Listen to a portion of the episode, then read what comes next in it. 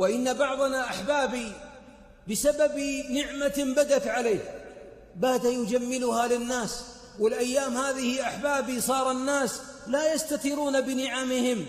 يا بني لا تدخلوا من باب واحد وادخلوا من أبواب متفرقة. يعقوب نبي ما كان يرد قضاء الله إذا حل لكنه يعلم أبناءه كيف يختفون بالنعم ولا يبرزونها.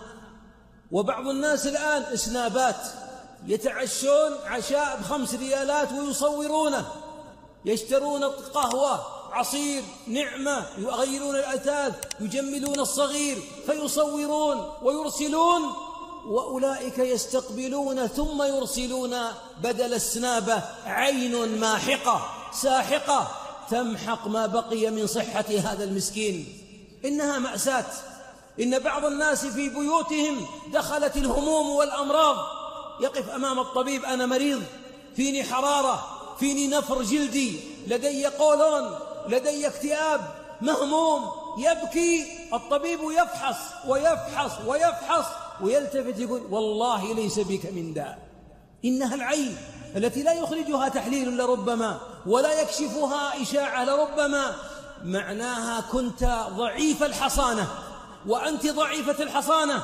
ثم أرسلت عين من عين حاسد من الجن أو الإنس وأحيانا تتوحد العين الإنسية والجنية. إنه يراكم هو وقبيله من حيث لا ترونهم. ومعظم العيون التي تفتك بالحياة وتسبب الطلاق والأمراض تكون في صالات الأفراح. يوم أن تتعرى المرأة تكشف صدرها وتكشف يديها وبعض ساقيها والبعض يكشف بطنها ثم تتجمل ساعتين وثلاث في الكوافيرة وتخرج فتشهق تلك فتتوحد عين الإنسي الحاسد مع عين جني حاسد فإذا استودعت ذاك البدن هلك هلك أكثر ما يدخل أمتي القبر العين. ولو أن شيء سابق للقدر لسبقته العين. كان سهل بن حنيف رضي الله عنه في ماء يغتسل فنظر إليه أحد صحابة رسول الله عليه الصلاة والسلام وكان جلده جميل من أحسن الناس جلدا. قال جلد ولا جلد مخبأة ما رأيت خ... ما رأيت قط قبل اليوم أي ما رأيت أجمل من هذا الجلد وجماله. فتلمض وسقط وكاد يهلك فغضب الحبيب وقال هل تتهمون له من أحد؟ ثم قال على ما يقتل أحدكم صاحبه. نحن في هذه الأزمان نساء في قرة العين عند طفلها وأطفالها وزوجها تصرخ في وجه الزوج طلقني. أسماشر لماذا يطلقها؟ كانت آمنة في سربها في نعمة قارة. طلقها لأن العين أصابتها ولذلك نحتاج في كل بيت إلى راق. وأجمل الرقات هو أنت. أنت أنت. لا تأخذ بزوجتك ولا أطفالك إلى الرقات أنت الراقي. هي الفاتحة. وآية الكرسي. أواخر البقرة. المعوذات. هذه هي الرقية. وليس هناك رقية غيرها.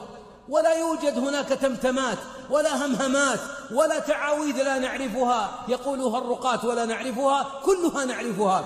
بل إن كثيرا من أهل العلم قالوا إن الرقية في كتاب الله هي سورة الفاتحة فقط. هي الفاتحة فقط.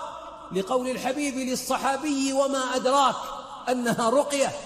ردد الفاتحة عشرا عشرين ثلاثين الأمر واسع.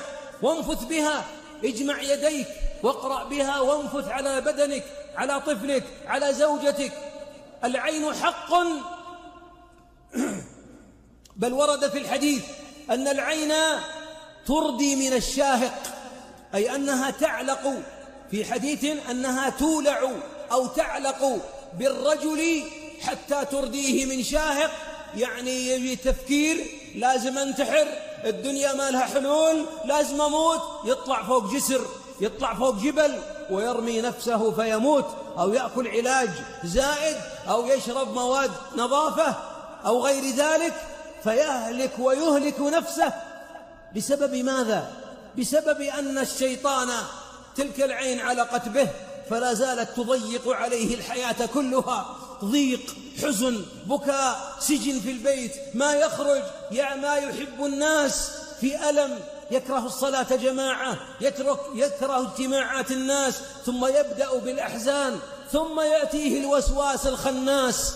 الدنيا ما لك داعي أن تكون فيها واللي مثلك المفروض يريح والراحة في الموت. ارمي نفسك من عالق ومن شاهق ومن مكان بعيد وهنا يهلك بعض الناس عياذا بالله بقتل نفسه مترديا من هالك أو غيره بسبب أن العين علقت به.